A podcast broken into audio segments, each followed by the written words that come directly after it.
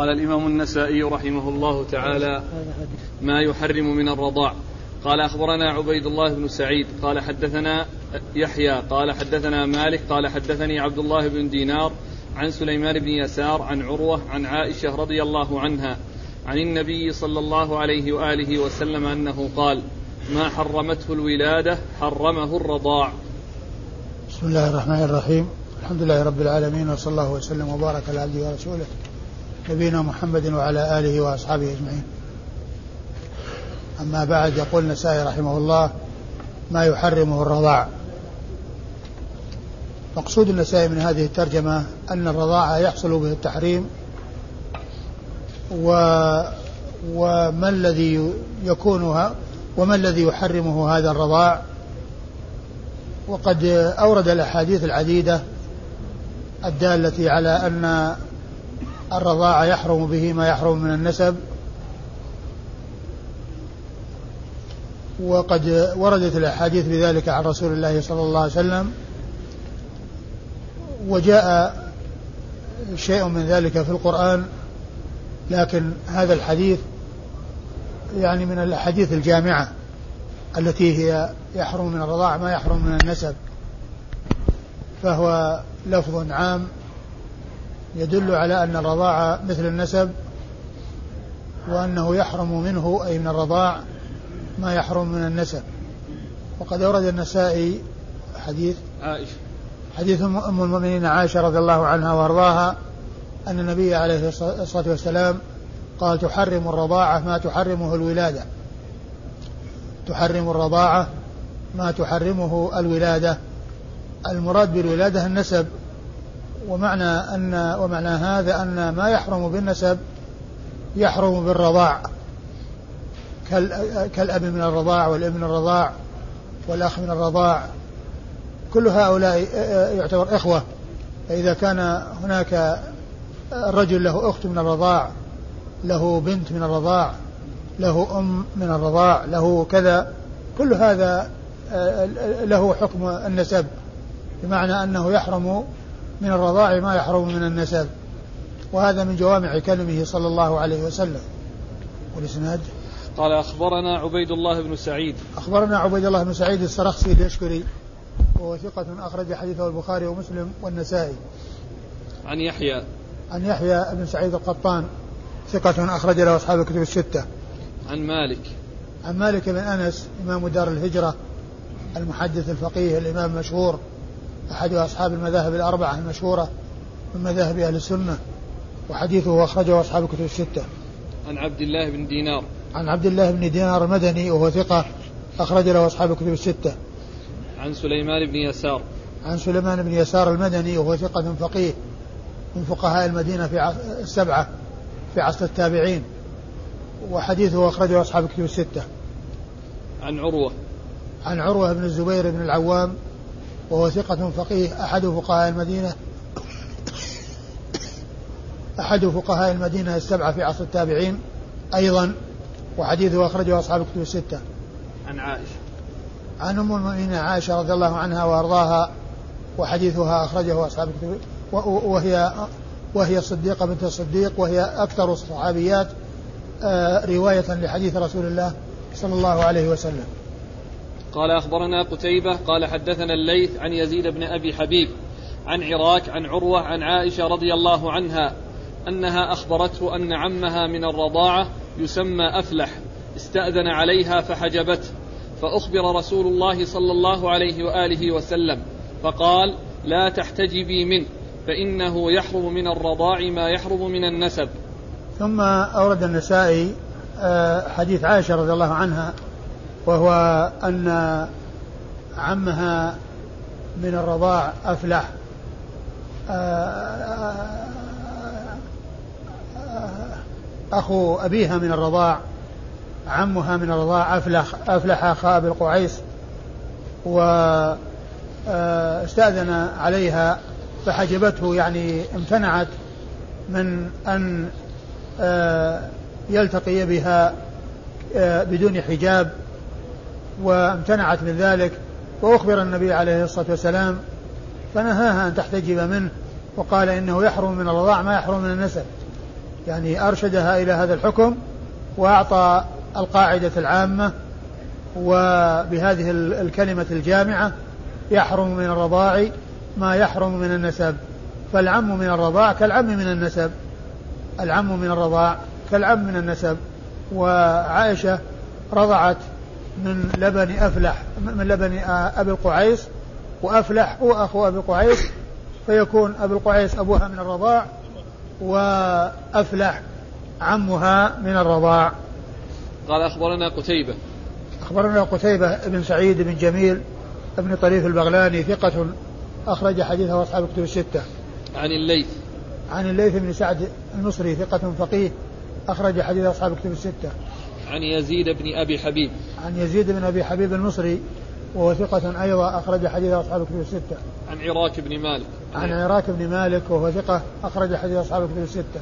عن عروة عن عائشة. عن عروة عن عائشة وقد مر ذكرهما. قال أخبرنا محمد بن بشار قال حدثنا يحيى عن مالك عن عبد الله بن أبي بكر عن عمرة عن عائشة رضي الله عنها عن النبي صلى الله عليه وآله وسلم أنه قال يحرم من الرضاع ما يحرم من النسب ثم ورد حديث عائشة يعني وهو مثل ما تقدم الكلمة الجامعة من رسول الله صلى الله عليه وسلم يحرم من الرضاع ما يحرم من النسب. والإسناد؟ قال أخبرنا محمد بن بشار. محمد بن بشار الملقب بن دار البصري ثقة أخرج حديثه أصحاب الكتب الستة بل هو شيخ لأصحاب الكتب الستة روى عنه مباشرة وبدون واسطة. عن يحيى وهو بن سعيد القطان ثقة أخرج له أصحاب الكتب الستة عن مالك عن مالك وقد مر ذكره عن عبد الله بن أبي بكر عبد عن عبد الله بن أبي بكر بن محمد بن عمرو بن حزم المدني وهو ثقة أخرج له أصحاب الكتب الستة. عن عمرة عن عمرة بنت عبد الرحمن الأنصارية المدنية ثقة أخرج لها أصحاب الكتب الستة. عن عائشة رضي الله عنها وقد مر ذكرها. قال أخبرنا محمد بن عبيد قال حدثنا علي بن هاشم عن هشام بن عروة عن عبد الله بن أبي بكر عن أبيه عن عمرة أنها قالت سمعت عائشة رضي الله عنها تقول قال رسول الله صلى الله عليه وآله وسلم يحرم من الرضاع ما يحرم من الولادة. ثم ورد حديث عائشة من طريق أخرى يحرم من الرضاع ما يحرم من الولادة. الإسناد قال أخبرنا محمد بن عبيد. أخبرنا محمد بن عبيد هو المحاربي وهو صدوق أخرج له أبو داود والترمذي والنسائي. وهو صدوق أخرج حديثه أبو داود والترمذي والنسائي. عن علي بن هاشم. عن علي بن هاشم وهو صدوق صدوق بس؟ نعم. صدوق أخرجه أصحاب كتب الستة إلا أبا داود ففي الناسخ والمنسوخ. أخرج له البخاري في الأدب المفرد. هو؟ هو هذا؟ لا. في في الأدب المفرد. الأدب المفرد ومسلم وأصحاب السنة. آه، أخرج له البخاري في الأدب المفرد ومسلم وأصحاب السنة الأربعة. عن هشام بن عروة. عن هشام بن عروة هو ثقة أخرج حديث أصحاب الكتب الستة. عن عبد الله بن أبي بكر. أيوه. عن أبيه. عن عبد الله بن أبي بكر وقد مر ذكره وابوه هو أبو بكر بن محمد بن عمرو بن حزم وهو ثقة أخرج حديثه أصحاب الكتب الستة. عن عمرة عن عائشة. عن عمرة عن عائشة وقد مر ذكرهما. قال تحريم بنت. تحريم بنت الأخ من الرضاعة.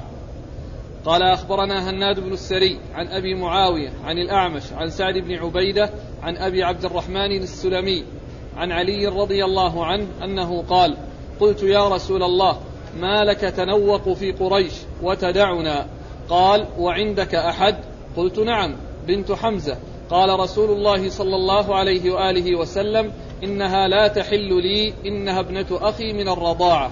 ثم أورد هذه الترجمة وهي تحريم. بنت الأخ من الرضاعة. تحريم بنت الأخ من الرضاعة.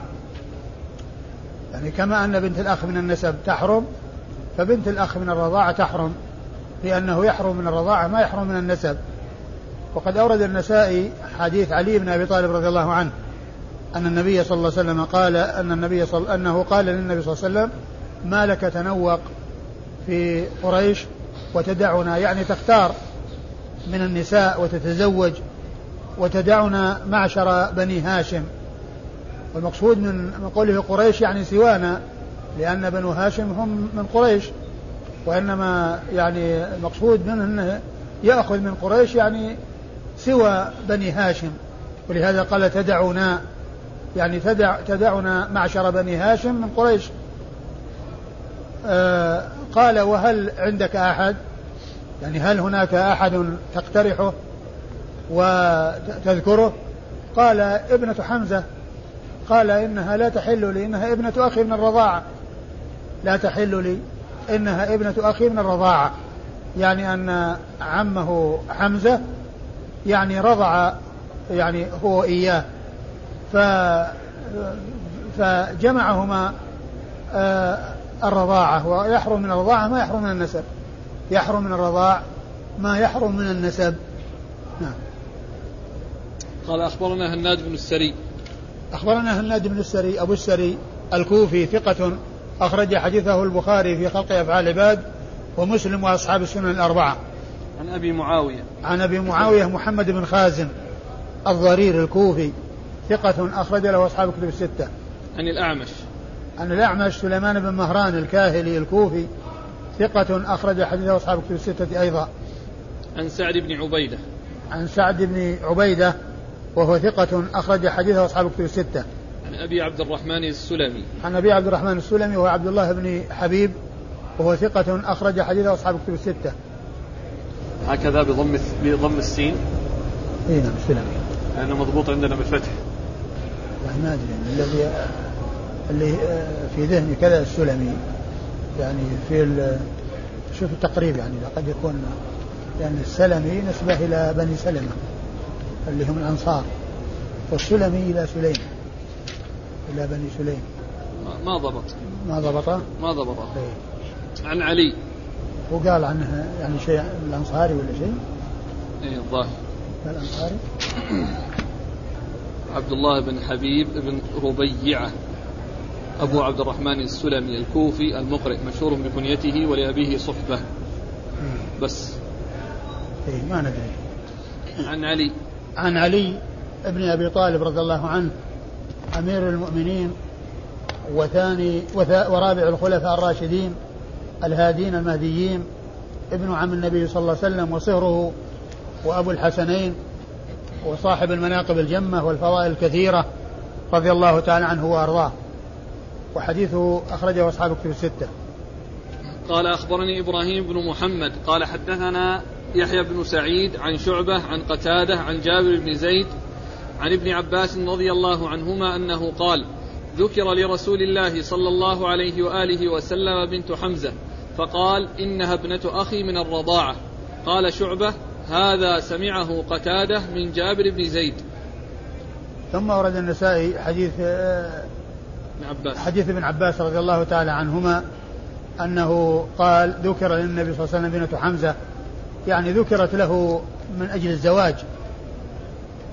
يعني ذكر له آه يعني زواجها وعرض عليه زواجها فقال عليه الصلاة والسلام إنها ابنة أخي من الرضاع. وبنت الأخ من الرضاع لا تحل كما أن بنت الأخ من النسب لا تحل.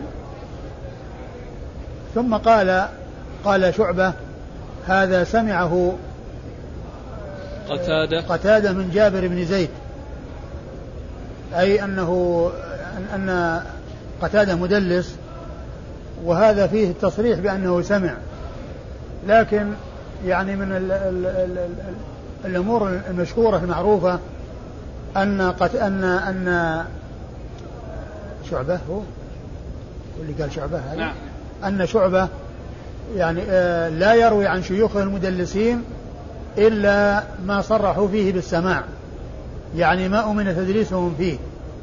يعني من, من, من القواعد ومن الأشياء التي تذكر في علم المصطلح أن قتاد أن أن شعبة لا يروي عن شيوخ المدلسين إلا ما أمن تدليسهم فيه.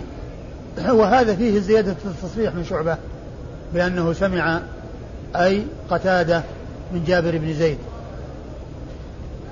نعم. قال أخبرني إبراهيم بن محمد. إبراهيم محمد التيمي وهو ثقة أخرج حديثه أبو داود النسائي نعم. أخرج حديثه أبو داود النسائي عن يحيى بن سعيد. عن يحيى بن سعيد القطان وقد مر ذكره. عن شعبة. عن شعبة بن الحجاج الواسطي ثم البصري وهو ثقة. وصف بأنه أمير المؤمنين في الحديث وحديثه أخرجه أصحاب الكتب الستة. عن قتادة. عن قتادة بن دعامة السدوسي البصري وهو ثقة أخرج حديثه أصحاب الكتب الستة. عن جابر بن زيد وهو أبو الشعثاء وهو ثقة أخرج حديثه أصحاب الكتب الستة. عن ابن عباس. عن ابن عباس عبد الله بن عباس بن عبد المطلب ابن عم النبي صلى الله عليه وسلم وأحد العبادلة الأربعة من أصحابه الكرام وأحد السبعة المعروفين بكثرة الحديث عن النبي عليه الصلاة والسلام. قال أخبرنا عبد الله بن الصباح بن عبد الله. قال حدثنا محمد بن سواء. قال حدثنا سعيد عن قتادة عن جابر بن زيد عن ابن عباس رضي الله عنهما أن رسول الله صلى الله عليه وآله وسلم أريد على بنت حمزة. فقال إنها ابنة أخي من الرضاعة وإنه يحرم من الرضاع ما يحرم من النسب. ثم ورد حديث ابن عباس من طريق أخرى وهو مثل الذي قبله قال فيه أن النبي صلى الله عليه وسلم أريد يعني أريد منه وطلب منه ورغب منه أن يتزوج بنت حمزة فقال إنها ابنة أخي من الرضاع. يعني فهي لا تحل لي لأنه يحرم من الرضاع ما يحرم من النسب. نعم. قال أخبرنا عبد الله بن الصباح بن عبد الله. أخبرنا عبد الله بن الصباح بن عبد الله هو صدوق أحد النسائي. هذا ثقة الهاشمي العطار. ثقة نعم. ثقة أخرج حديثه أصحاب الكتب إلا ابن ماجه. أخرج حديثه أصحاب الكتب الستة إلا ابن ماجه. عن محمد بن سواء. عن محمد بن سواء وهو صدوق. نعم. أخرج حديث أصحاب الكتب الستة إلا أبا داود فقد خرج له في الناسخ والمنسوخ. عن سعيد. عن سعيد بن أبي عروبة وهو ثقة أخرج حديث أصحاب الكتب الستة. عن قتادة عن جابر بن زيد عن ابن عباس. عن قتادة عن جابر بن زيد عن ابن عباس وقد مر ذكر هؤلاء الثلاثة في الإسناد الذي قبل هذا. قال القدر الذي يحرم من الرضاعة. ها؟ الذي يحرم. القدر الذي يحرم من الرضاعة. قال أخبرنا هارون بن عبد الله قال حدثنا معا قال حدثنا مالك والحارث بن مسكين قراءة عليه وأنا أسمع عن ابن القاسم قال حدثني مالك عن عبد الله بن أبي بكر عن عمرة عن عائشة رضي الله عنها أنها قالت كان فيما أنزل الله عز وجل وقال الحارث فيما أنزل من القرآن عشر رضعات معلومات يحرم ثم نسخن بخمس معلومات فتوفي رسول الله صلى الله عليه وآله وسلم وهي مما يقرأ من القرآن. ثم أورد النسائي بعد أن ذكر آه، الترجمة أو التراجم المتعلقة بتحريم الرضاع بالتحريم بالرضاع. وهي مطلقة وهي مطلقة تحتمل أن يكون القليل والكثير يحصل به التحريم لإطلاقها وعدم تقييدها لأنه قال يحرم من الرضاع ما يحرم من النسب وتحرم الرضاعة ما تحرمه الولادة فهو لفظ مطلق يحتمل الرضعة الواحدة والثنتين والثلاث والأكثر من ذلك.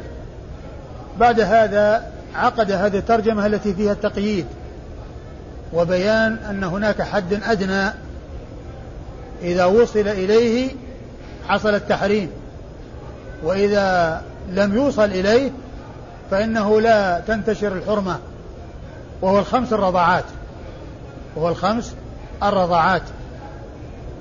فالرضعة والرضعتان والثلاث والأربع لا يحصل بها تحريم. وإنما التحريم يحصل بالخمس فما فوق. فأتى بالترجمة المقيدة التي تدل على أنه ليس كل رضاع يحرم ليس كل مقدار من الرضاع يحرم بل المقدار الذي يحرم هو ما كان خمس رضعات فما فوق. وما قل عنها فإنه لا يحصل به التحريم.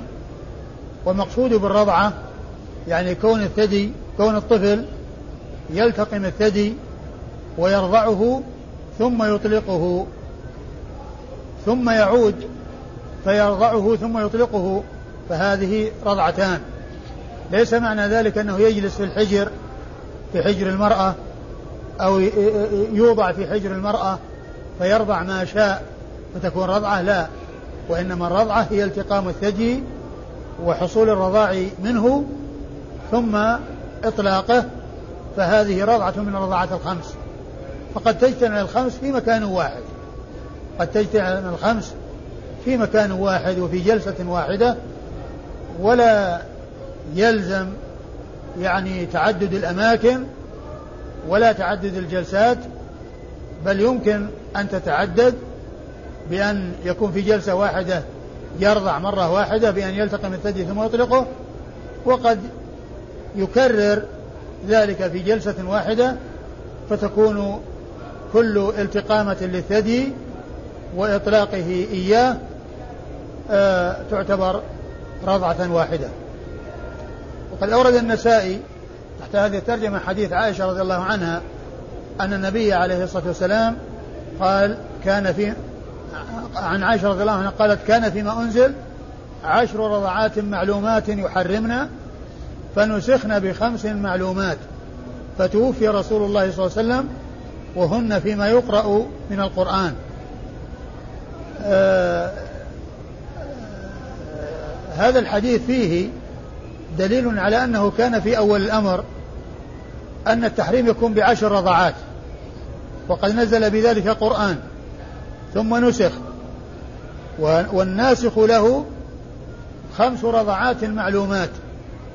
خمس رضعات معلومات يحصل بهن التحريم. ثم قال قالت فتوفي رسول الله صلى الله عليه وسلم وهن فيما يقرأ من القرآن.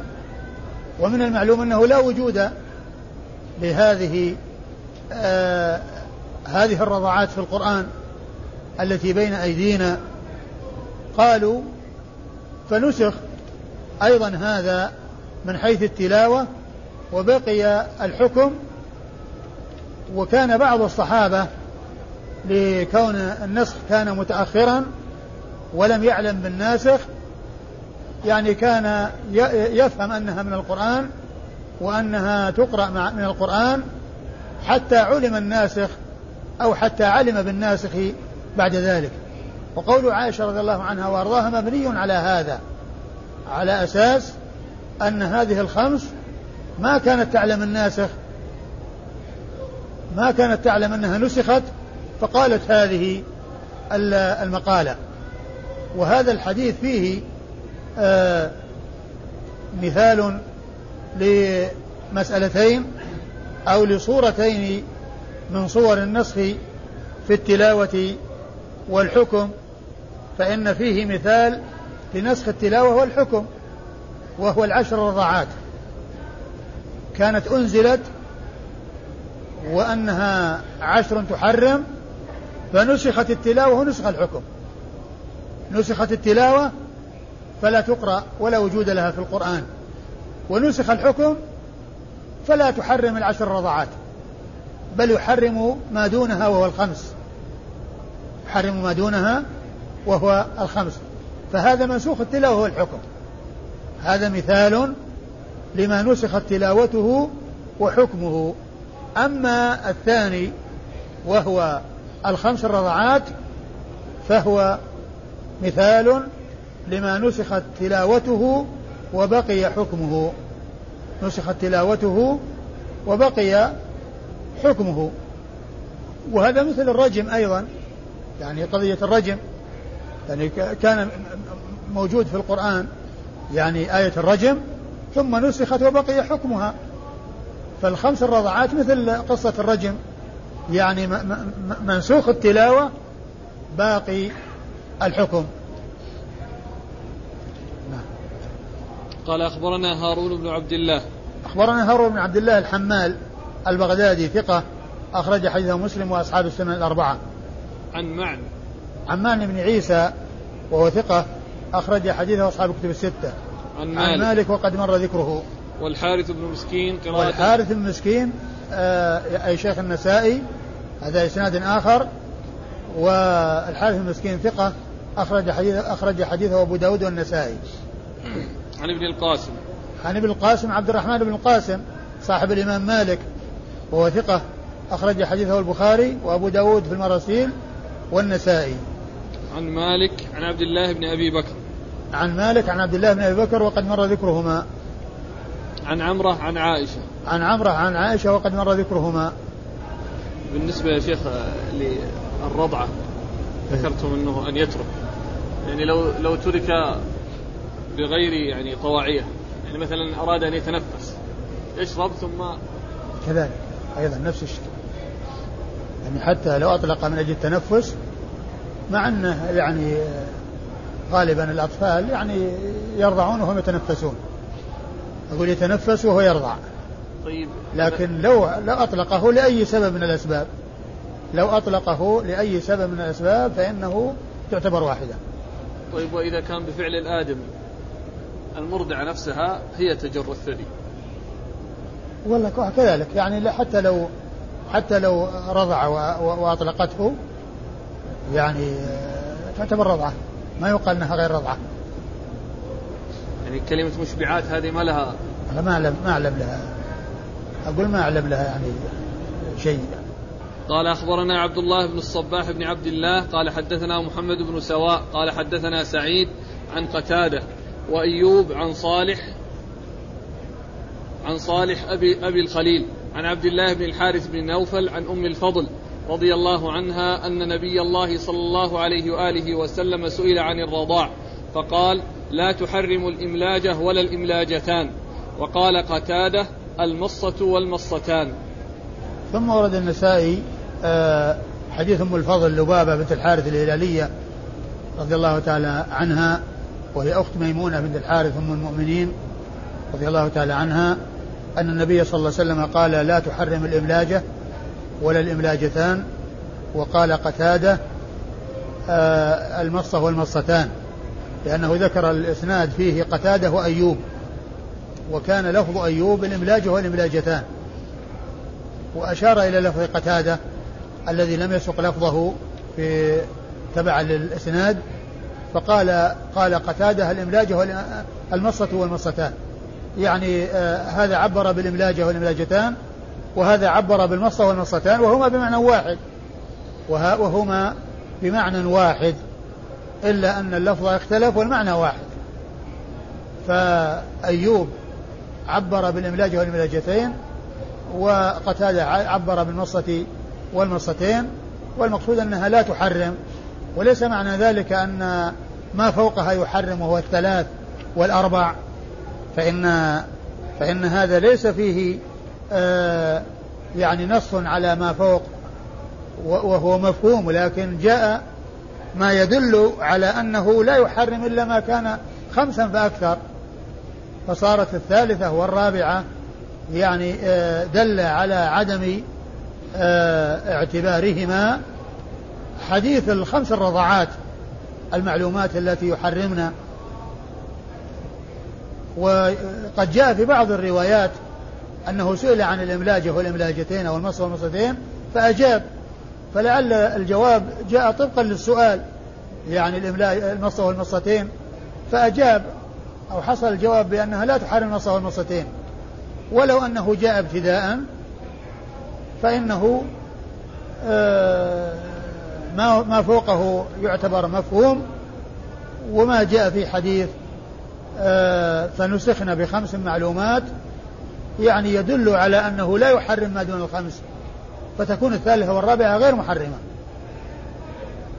نعم. قال أخبرنا عبد الله بن الصباح بن عبد الله عن محمد بن سواء عن سعيد عن قتادة وأيوب. يعني هؤلاء مر ذكرهم يعني غير أيوب. عبد الله بن الصباح بن عبد الله ومحمد بن سواء و سعيد. وسعيد بن أبي عروبة وقتادة مر ذكر هؤلاء وأيوب هو ابن أبي تميم السختياني. وهو ثقة أخرج حديثه أصحاب الكتب الستة. عن صالح أبي عن صالح أبي الخليل وهو صالح بن أبي مريم. صالح بن أبي مريم أبي الخليل وهو وثقه ابن معين والنسائي. وهو ثقة أخرج حديثه أصحاب الكتب أصحاب الكتب الستة عن عبد الله بن الحارث بن نوفل عن عبد الله بن الحارث بن نوفل الهاشمي وهو ثقة أخرج حديث أصحاب الكتب الستة عن أم الفضل عن أم الفضل لبابة بنت الحارث الهلالية أم زوجة العباس ابن عبد المطلب وأم أولاده وأكبرهم الفضل ولهذا يقال لها أم الفضل فهي أم الفضل وأم عبد الله وهي أخت ميمونة بنت الحارث الهلالية رضي الله تعالى عنهما وعن الصحابة أجمعين. وحديثه أخرجه أصحاب الكتب الستة. قال أخبرنا شعيب بن يوسف عن يحيى عن هشام قال حدثني أبي عن عبد الله بن الزبير عن النبي صلى الله عليه وآله وسلم أنه قال لا تحرم المصة ولا المصتان. ثم ورد حديث عبد الله بن الزبير وهو بمعنى الحديث المتقدم لا تحرم المصة ولا المصتان. أيوه. قال أخبرنا شعيب بن يوسف. شعيب بن يوسف النسائي وهو ثقة أخرج حديثه النسائي وحده. عن يحيى عن يحيى القطان وقد مر ذكره. عن هشام. عن هشام بن عروة وهو ثقة يدلس أخرج حديثه أصحاب الكتب الستة. عن أبيه. عن أبيه آه، عروة بن الزبير وقد مر ذكره. عن عبد الله بن الزبير. عن عبد الله بن الزبير آه، بن العوام آه، وهو أحد العبادلة الأربعة من أصحاب النبي صلى الله عليه وسلم. وهم عبد الله بن الزبير وعبد الله بن عباس وعبد الله بن عمر وعبد الله بن عمرو بن العاص. وحديثه أخرجه أصحاب الكتب الستة. قال أخبرنا زياد بن أيوب قال حدثنا ابن علية عن أيوب عن ابن, عن ابن أبي مليكة عن عبد الله بن الزبير رضي الله عنهما عن عائشة رضي الله عنها أنها قالت قال رسول الله صلى الله عليه وآله وسلم لا تحرم المصة ولا المصتان. ثم ورد النسائي حديث عائشة رضي الله, رضي الله عنها حديث عائشة رضي الله تعالى عنها وأرضاها أن النبي صلى الله عليه وسلم قال لا تحرم المصة ولا المصتان وهو مثل ما تقدم. والإسناد يقول النسائي أخبرنا زياد بن أيوب. أخبرنا زياد بن أيوب وهو ثقة أخرج حديثه مسلم وأبو داود والترمذي والنسائي. البخاري. البخاري. وأبو داود والترمذي والنسائي. أخرج حديث البخاري وأبو داود والترمذي والنسائي. عن ابن علية. عن ابن علية إسماعيل بن إبراهيم بن مقسم المشهور بابن علية وهو ثقة أخرج حديثه أصحاب الكتب الستة. عن أيوب عن ابن أبي مليكة. عن أيوب وهو السختياني وقد مر ذكره عن ابن أبي مليكة وهو عبد الله بن عبيد الله بن أبي مليكة وهو ثقة أخرج حديثه أصحاب الكتب الستة. عن عبد الله بن الزبير عن عائشة. عن عبد الله بن الزبير عن عائشة وقد مر ذكرهما. قال أخبرنا محمد بن عبد الله بن بزيع. قال حدثنا يزيد يعني بن زريع. قال حدثنا سعيد عن قتادة. قال كتبنا إلى إبراهيم بن, بن, بن يزيد النخعي. نسأله عن الرضاع.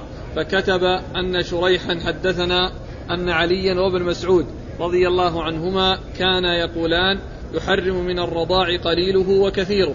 وكان في كتابه أن أبا الشعثاء المحاربي حدثنا أن, عائشة حدثت رضي الله عنها أن نبي الله صلى الله عليه وآله وسلم كان يقول لا تحرم الخطفة والخطفتان.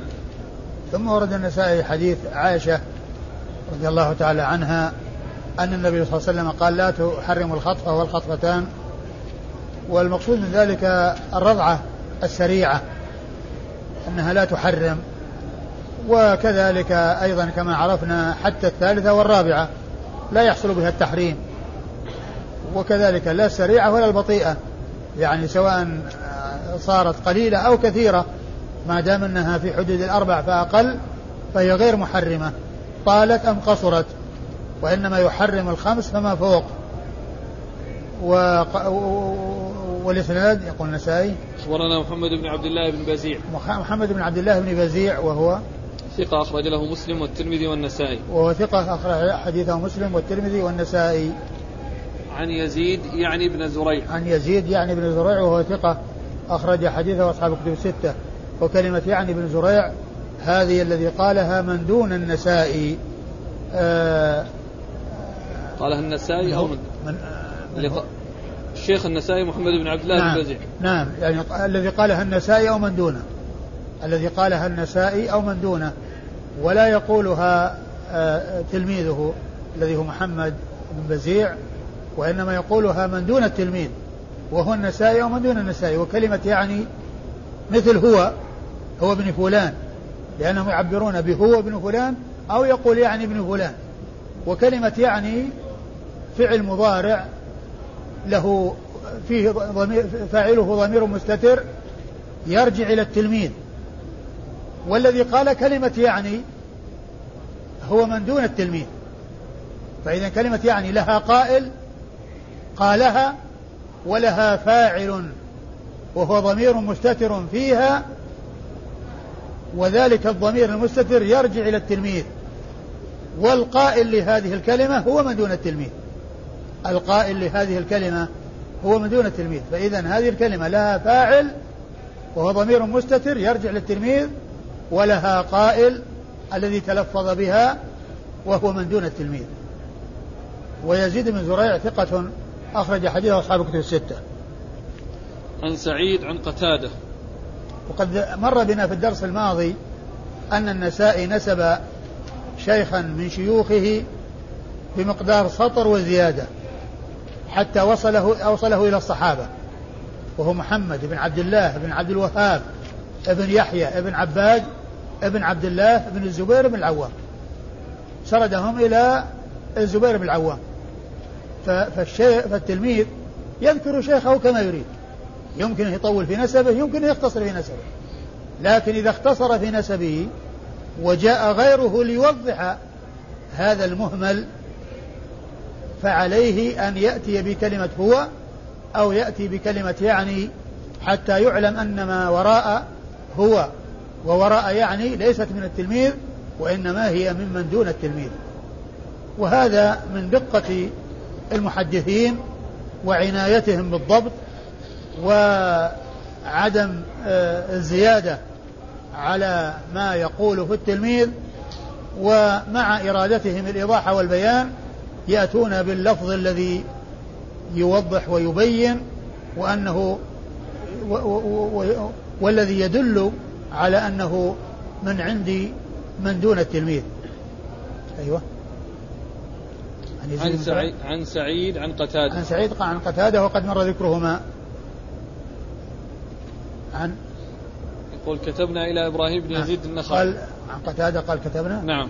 قال كتبنا يقول قتادة كتبنا إلى إبراهيم بن يزيد النخعي نسأله عن الرضاع.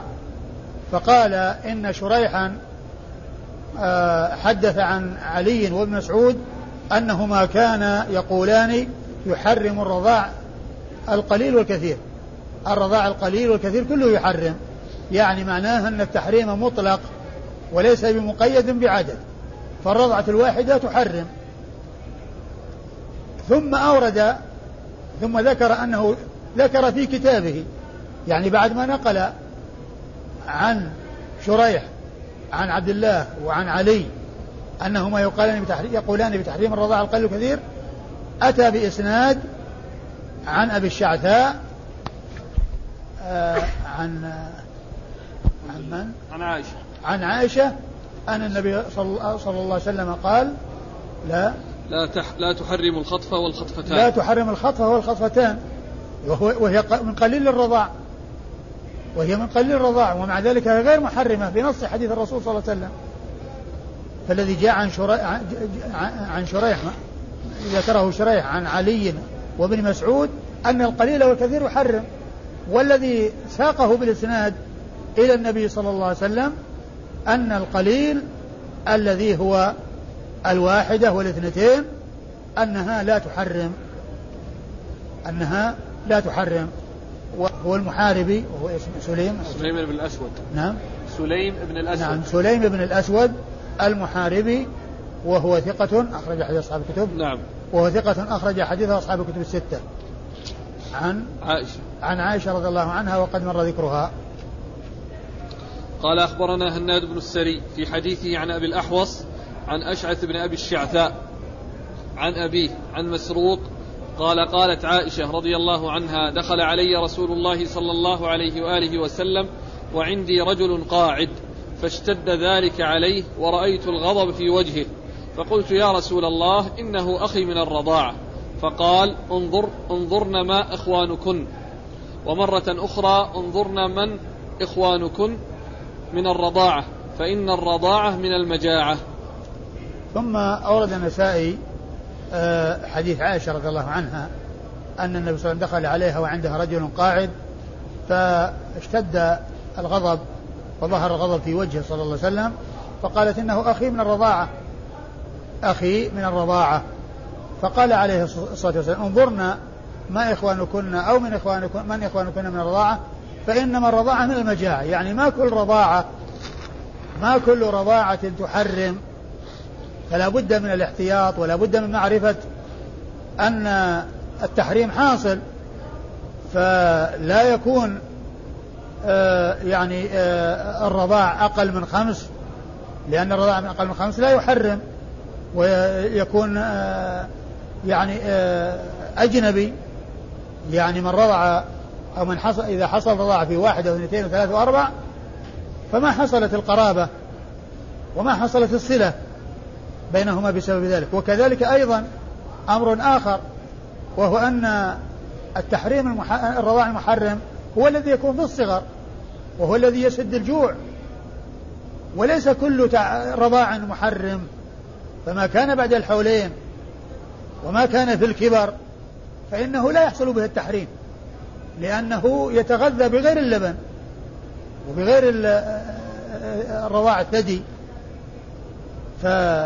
فالقليل من من من الرضاع لا يحرم وتعتبر أجنبية وهو أجنبي منها والرضاع بعد الحولين ورضاع الكبير الذي استغنى عن آه، الرضاع وعن التغذي بالرضاع التغذي باللبن لبن المرأة فأيضا كذلك لا يحصل به التحريم. وقوله صلى الله عليه وسلم انظرنا من إخوانكم من الرضاعة فإنما الرضاعة من المجاعة. يعني فيه فيه نوع من أنواع الرضاع أو حالة من حالات الرضاع لا يحصل بها التحريم وهو رضاع الكبير الذي لا يتغذى بالرضاع. ولهذا قال إنما الرضاعة من المجاعة. يعني ما سد الجوع يعني جوع الصبي الرضيع هذا هو الذي يحصل بالتحريم وأما إذا كان يتغذى بالطعام ولا يتغذى باللبن أو كان كبيرا يعني آه، فهؤلاء لا يحصل آه، التحريم في حقهم بل هم أجانب. نعم. قال أخبرنا هناد بن السري في حديثه عن أبي الأحوص. هناد بن السري في حديثه عن أبي الأحوص. هناد بن السري مر ذكره وأبو الأحوص هو سلام بن سليم وهو ثقة أخرج حديثه أصحاب كتب الستة. عن أشعث بن أبي الشعثاء. عن أشعث ابن أبي الشعثاء وهو الذي مر ذكره سليم المحاربي وهو ثقة الذي هو أشعث. أخرج حديث أصحاب الكتب؟ نعم. أخرج حديث أصحاب الكتب عن أبيه أبي الشعثاء هو الذي مر قبل ذلك سليم بن الأسود المحاربي وهو ثقة أخرج حديث أصحاب الكتب الستة.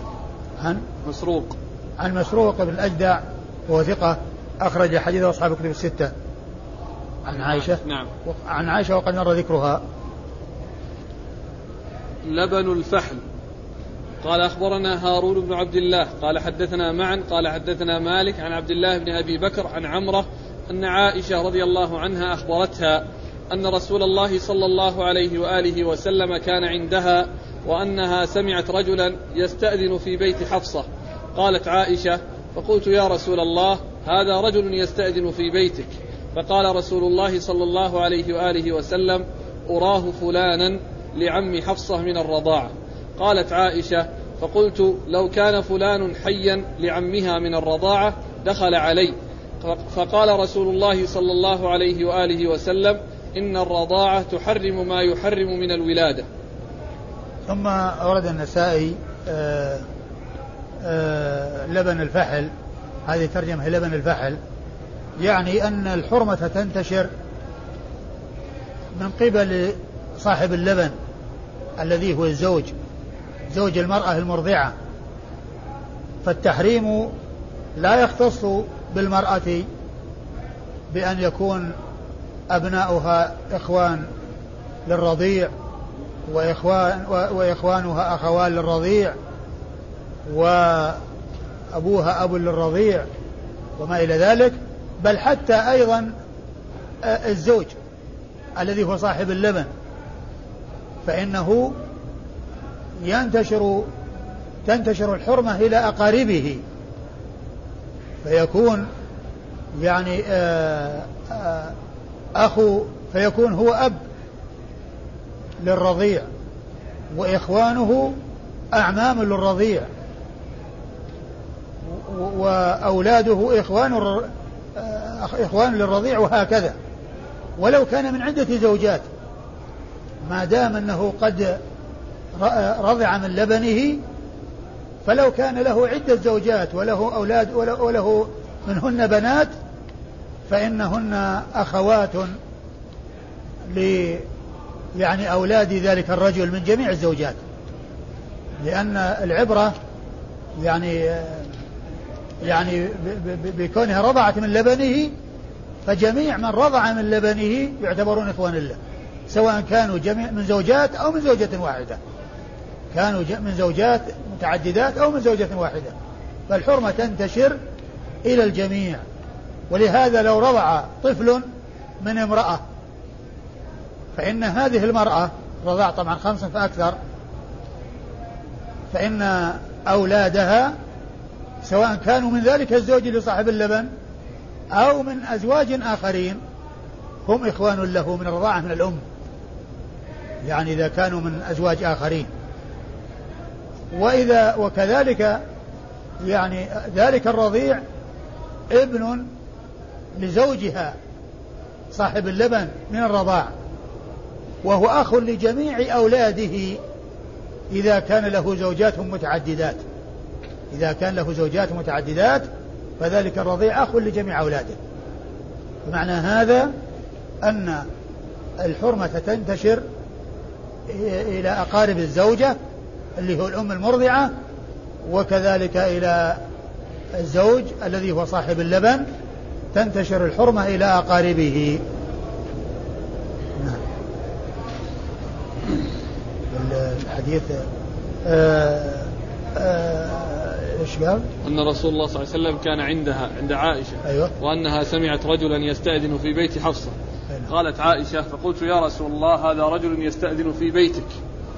فقال رسول الله صلى الله عليه وسلم أراه فلانا لعم حفصة من الرضاعة. قالت عائشة فقلت لو كان فلان حيا لعمها من الرضاعة دخل علي فقال رسول الله صلى الله عليه وآله وسلم إن الرضاعة تحرم ما يحرم من الولادة. ثم يعني أورد حديث عائشة رضي الله عنها وأن رجلا استأذن في بيت حفصة وقال النبي صلى الله عليه وسلم هو عمها من الرضاع. عمها من الرضاع لأنه أخو أبيها من الرضاع. يعني أبوها من الرضاع اللي هو صاحب اللبن اللي هو الفحل أخوه يعتبر عما لها. أخوه يعتبر عما لها. فالرسول لما قال عمها من الرضاع يعني أخو أبيها من الرضاع أبوها من الرضاع وهذا عمها من الرضاع. قالت لو كان فلان حيا لعم عم لها من الرضاع يعني آآ آه، آآ آه، إيش؟ لو كان حيا إيش؟ لو كان فلان حيا لعمها من الرضاعة دخل علي. دخل علي. لو كان فلان حي لعمها يعني تريد أو تشير إلى عمها من الرضاعة فلان من فلان هو عم لها من الرضاعة دخل علي قال نعم إن آه إن الرضاعة تحرم ما تحرم الولادة الرضاعة تحرم ما تحرم الولادة. قال أخبرنا هارون بن عبد يعني الله يعني ففيه الدلالة على ما ترجم له من لبن الفحل لأنه آه، جعل صاحب اللبن أبا وجعل أخاه عما فانتشرت الحرمة إلى جانب الزوج صاحب اللبن مع انتشارها إلى أقارب الزوجة المرضعة. قال أخبرنا هارون بن عبد الله عن أخبرنا هارون بن عبد الله عن معن وقد مر ذكرهما. عن مالك عن, عن عبد الله بن أبي بكر عن عمرة عن عائشة. وهؤلاء كلهم مر ذكرهم. قال أخبرني إسحاق بن إبراهيم قال أخبرنا عبد الرزاق قال أخبرنا ابن جريج قال أخبرنا عطاء عن عروة أن عائشة رضي الله عنها قالت جاء عمي أبو الجعد من الرضاعة فرددته قال وقال هشام هو أبو القعيس. فجاء رسول الله صلى الله عليه وآله وسلم فأخبرته فقال رسول الله صلى الله عليه وآله وسلم ائذني له. ثم ورد النسائي حديث عائشة وأنه جاء عمها من الرضاع آه، أبو الجعد أو أبو القعيس وأنها رددته. وأن النبي صلى الله عليه وسلم قال إذني له. إذني له لأن العم من الرضاع هو محرم من محارم المرأة له حق الدخول عليها وله أن يسافر بها وله أن يخلو بها لأنه يعتبر من محارمها. والمقصود من ذلك أن فيه إثبات لبن الفحل. وأن الحرمة تنتشر به. إثبات أن الحرمة تنتشر بلبن الفحل كما تنتشر إلى أقارب المرضعة. قال أخبرني إسحاق بن إبراهيم. إسحاق بن إبراهيم مخلد بن راهوية الحنظلي المروزي ثقة فقيه. وصف بأنه أمير المؤمنين في الحديث وحديثه أخرجه أصحاب الكتب الستة إلا ابن ماجه. عن عبد الرزاق. عن عبد الرزاق بن همام الصنعاني اليماني ثقة أخرج له أصحاب الكتب الستة. عن ابن جريج عن ابن جريج عبد الملك بن عبد العزيز بن جريج المكي ثقة فقيه يرسل ويدلس وحديثه أخرجه أصحاب الكتب الستة. عن عطاء عن عطاء بن أبي رباح المكي ثقة أخرج له أصحاب الكتب الستة. عن عروة عن عائشة عن عروة عن عائشة وقد مر ذكرهما. قال أخبرنا عبد الوارث بن عبد الصمد بن عبد الوارث قال حدثني أبي عن جده عن أيوب عن وهب بن كيسان عن عروة عن عائشة رضي الله عنها أن أخا أبي القعيس استأذن على عائشة بعد آية الحجاب فأبت أن تأذن له. فذكر ذلك للنبي صلى الله عليه وآله وسلم فقال ائذني له فإنه عمك. فقلت إنما أرضعتني المرأة ولم يرضعني الرجل. فقال إنه عمك فليلج عليك.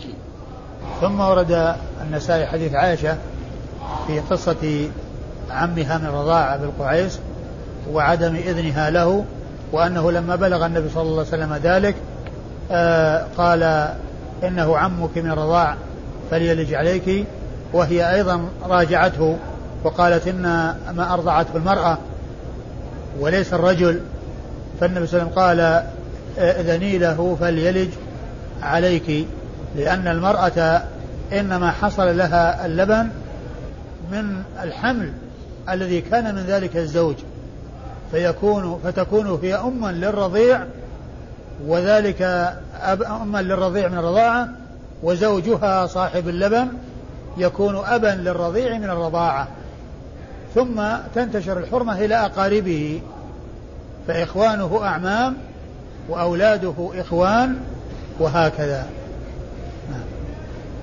قال أخبرنا عبد الوارث بن عبد الصمد بن عبد الوارث أخبرنا عبد الوارث بن عبد الصمد بن عبد الوارث وهو ثقة أخرج حديثه. وهو صدوق. وهو صدوق.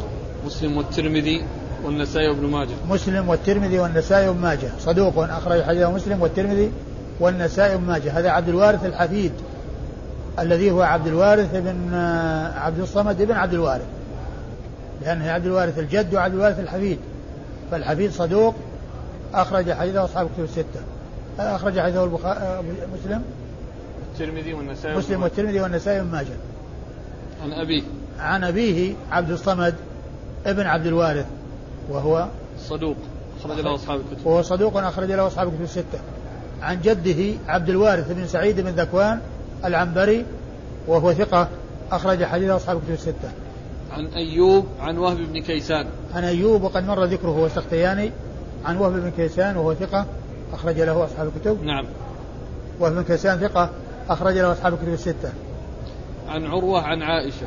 عن عروة عن عائشة وقد مر ذكرهما. قال أخبرنا هارون بن عبد الله قال أخبرنا معا قال حدثنا مالك عن ابن شهاب عن عروة عن عائشة رضي الله عنها أنها قالت كان أفلح أخو أبي القعيس يستأذن علي وهو عمي من الرضاعة فأبيت أن آذن له حتى جاء رسول الله صلى الله عليه وآله وسلم فأخبرته فقال ائذني له فإنه عمك. قالت عائشة وذلك بعد أن نزل الحجاب. ثم ورد النسائي حديث عائشة في قصة عمها من الرضاعة بالقعيس وهي مثل ما تقدم والإسناد قال أخبرنا هارون بن عبد الله عن معن عن مالك عن ابن شهاب. وهؤلاء مر ذكرهم جميعا. عن عروة عن عائشة. عن عروة عن عائشة وقد مر ذكرهم أيضا. قال أخبرنا عبد الجبار بن ابن, ابن العلاء عن سفيان عن الزهري. عن الزهري وهشام بن عروة عن عروة. عن عائشة رضي الله عنها أنها قالت استأذن علي عمي أفلح بعدما نزل الحجاب فلم آذن له. فأتاني النبي صلى الله عليه وآله وسلم فسألته فقال ائذني له فإنه عمك. قلت يا رسول الله إنما أرضعتني المرأة ولم يرضعني الرجل. قال ائذني له تربت يمينك فإنه عمك. ثم ورد النسائي حديث عائشة رضي الله عنها وهو مثل ما تقدم. أيوه.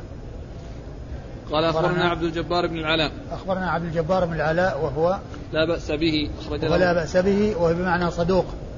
أخرج حديثه. مسلم والترمذي والنسائي. أخرج حديثه مسلم والترمذي والنسائي. عن سفيان. عن سفيان وهو بن عيينة. ثقة أخرج له أصحاب الكتب الستة. عن الزهري وهشام بن عروة عن عروة عن عائشة. عن الزهري وهو محمد بن مسلم بن عبد الله وقد مر ذكره وهشام بن عروة مر ذكره وعروة مر ذكره وعائشة مر ذكرها. قال أخبرنا الربيع بن سليمان بن داود قال حدثنا أبو الأسود وإسحاق بن بكر قال حدثنا بكر بن مضر عن جعفر بن ربيعة عن عراك بن مالك عن عروة عن عائشة رضي الله عنها أنها قالت جاء أفلح أخو أبي القعيس يستأذن فقلت لا آذن له حتى أستأذن نبي حتى حتى أستأذن نبي الله صلى الله عليه وآله وسلم. فلما جاء نبي الله صلى الله عليه وآله وسلم قلت له جاء أفلح أخو أبي القعيس يستأذن فأبيت أن آذن له فقال ائذني له فإنه عمك. قلت إنما أرضعتني امرأة أبي القعيس ولم يرضعني الرجل. قال ائذني له فإنه عمك. ثم ورد النسائي حديث عائشة في قصة عمها من الرضاع أفلح أخي أبي قعيس وقد وهو مثل ما تقدم. أيوه. قال أخبرنا الربيع بن سليمان بن داود. الربيع بن سليمان بن داود الجيزي وهو ثقة أخرج حديثه أبو داود النسائي عن أبي الأسود. عن أبي الأسود وهو النضر بن عبد الجبار. النضر بن عبد الجبار النضر بن عبد الجبار وهو ثقة. أخرج له أبو داود والنسائي بن ماجه. ثقة. نعم. أخرج حديث أبو داود والترمذي والنسائي وابن ماجه. أبو داود والنسائي وابن ماجه. أبو داود والنسائي وابن ماجه ما في الترمذي؟ لا. أخرج حديث أبو داود والنسائي وابن ماجه. وإسحاق بن بكر. وإسحاق بن بكر بن مضر وهو ثقة. وهو وهو؟ صدوق. وهو صدوق. أخرج حديثه. مسلم والنسائي. وصدوق أخرج حديثه مسلم والنسائي. عن بكر بن مضر المصري وهو ثقة. أخرج حديثه أصحاب الكتب إلا ابن ماجه أخرج حديثه أصحاب الكتب الستة إلا ابن ماجه عن جعفر بن ربيعة عن جعفر بن ربيعة وهو ثقة أخرج له أصحاب الكتب الستة. عن عراك بن مالك عن عروة عن عائشة. عن عراك بن مالك وهو ثقة أخرج حديث أصحاب الكتب الستة. عن عن عروة عن مالك. عن عروة عن عروة عن عائشة. عن نعم عن عائشة. عن عروة عن عائشة وقد مر ذكرهما انتهى الباب. نعم. والله تعالى أعلم وصلى الله وسلم وبارك على عبده ورسوله نبينا محمد وعلى آله وأصحابه أجمعين. أحسن الله إليك. مرة جاء أبو الجعد ومرة جاء أبو القعيس ومرة جاء أخو أبي القعيس مرة جاء أفلح. يعني أفلح على كنية أبو الجعد يعني الذي جاء هو أفلح. وأبو القعيس وأبو وهو أفلح أخو أبو القعيس. يعني فيكون أبو الجعد الذي جاء هو أفلح. يعني مرة ذكر بكنيته ومرة ذكر باسمه. وأما أبو القعيس فهو أبوها من الرضاع. إذا في وهم أجل في الحديث لأن هناك آه، حديث يقول جاء عمي أبو الجعد من الرضاعة فرددته. أيوة. قال وقال هشام هو أبو القعيس. هو أبو القعيس؟ إيه. ما هو مستقيم لأن أبو القعيس هو هو الأب. آه. أبو القعيس هو الأب. وأخوه أبو الجعد. إيه أبو الجعد نعم. لعله يعني أن أن الذي هذا أخو أبو القعيس. يعني بدل أبو الجعد عمي أبو الجعد. إيه. والثاني قال وقال هشام هو أبو القعيس. لا يعني لعلها هو أخو أبو القعيس. إيه. لأن الحين أبو القعيس ما جاء وإنما الذي جاء أفلح الذي هو أخوه. وكلها تتحدث عن رجل واحد.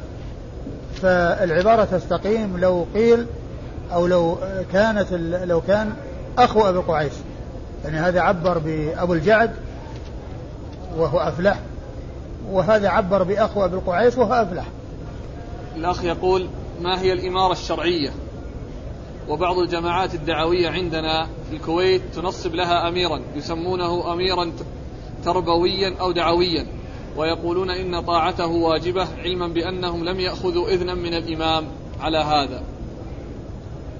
الإمامة الشرعية أو الإمارة الشرعية هي التي يكون بيدها الحل والعقد. وتجوز الإمارة أو وضع الإمارة يعني على غير هذا في السفر. يعني كما جاء عن النبي صلى الله عليه وسلم أنه إذا سافر جماعة يؤمرون واحدا منهم. وهذه الإمارة المقصود منها أن يكون مرجعا لهم يستأذنونه إذا أراد أحد أن يذهب وكذلك يرجعون إليه. عند عند الاختلاف في كونهم ينزلون أو يواصلون لأنهم لو لم يكن لهم أمير يرجعون إليه يمكن أن يكون كل واحد منهم يذهب بنفسه ولا يدرى عنه.